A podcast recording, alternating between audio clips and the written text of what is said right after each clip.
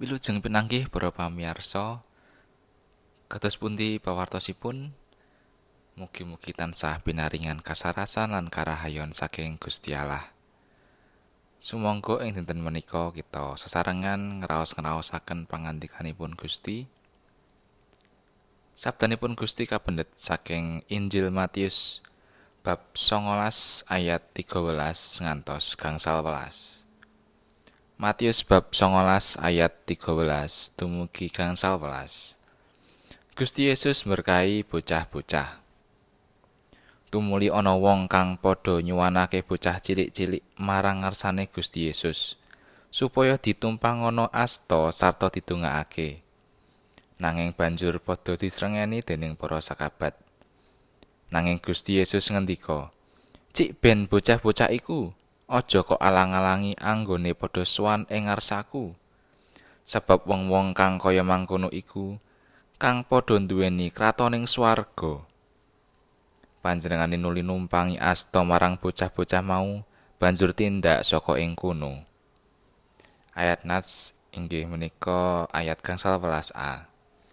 Panjenengane nuli numpangi asta marang bocah-bocah mau Renungan dinten menika kaparingan jejer sing cilik uga ditresnani. Tresno seneng banget nonton pertandingan bulu tangkis ing TV. Wektu iku lagi tanding ganda putra. Dheweke gumun, kepriye anggone pasangan bulu tangkis ganda putra Indonesia, Marcus Kevin, sing dedeke mung watara 170 cm wae, bisa ngasorake mungsuh-mungsuhe kang dedeke luwih dhuwur. Awit saka dedeke mula pasangan Marcus Kevin iku diparani minion. Tegese cilik. Nanging senadyan cilik dedeke ora bisa disepelekake. Bola bali awake dhewe nemokake manungsa kang lirwakake bab-bab sepele mula dadi lantunane. Lali ora mateni mawa ning pawon, mula nalika ditinggal nyambut gawe ning kebon omahe kobong. Mahasiswa ngendi-endi anggone nggarap makalah. Mula nalika tekan wayahe makalah iku mung digawe sewengi. Mula bobote saanane. Bocah sekolah ora kulino sinau. Mula kaget nalika ana unlangan dadak.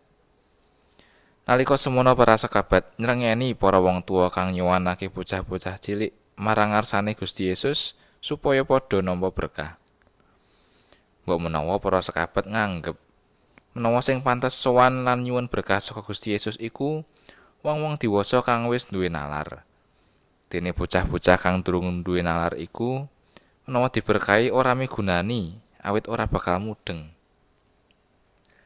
Marang para sekabat Gusti Yesus nyetakake menawa aja nganti ana wong kang ngalang-alangi bocah cilik-cilik sowan aneng ngarsane. Awit nadyan isih padha cilik, bocah-bocah iku uga kepareng nampa berkah. Malah saben wong kang tulus kaya dene bocah cilik iku kang padha nduweni kratoning swarga. Pangimpene Yusuf kang dadi anak ragil nalika semono saya nyetakake menawa saben kita aja nganti nyepelekake sabarang kang tinemu. Sing katon cilik wae tetep ditresnani lan digemateni dening Gusti Allah. Amin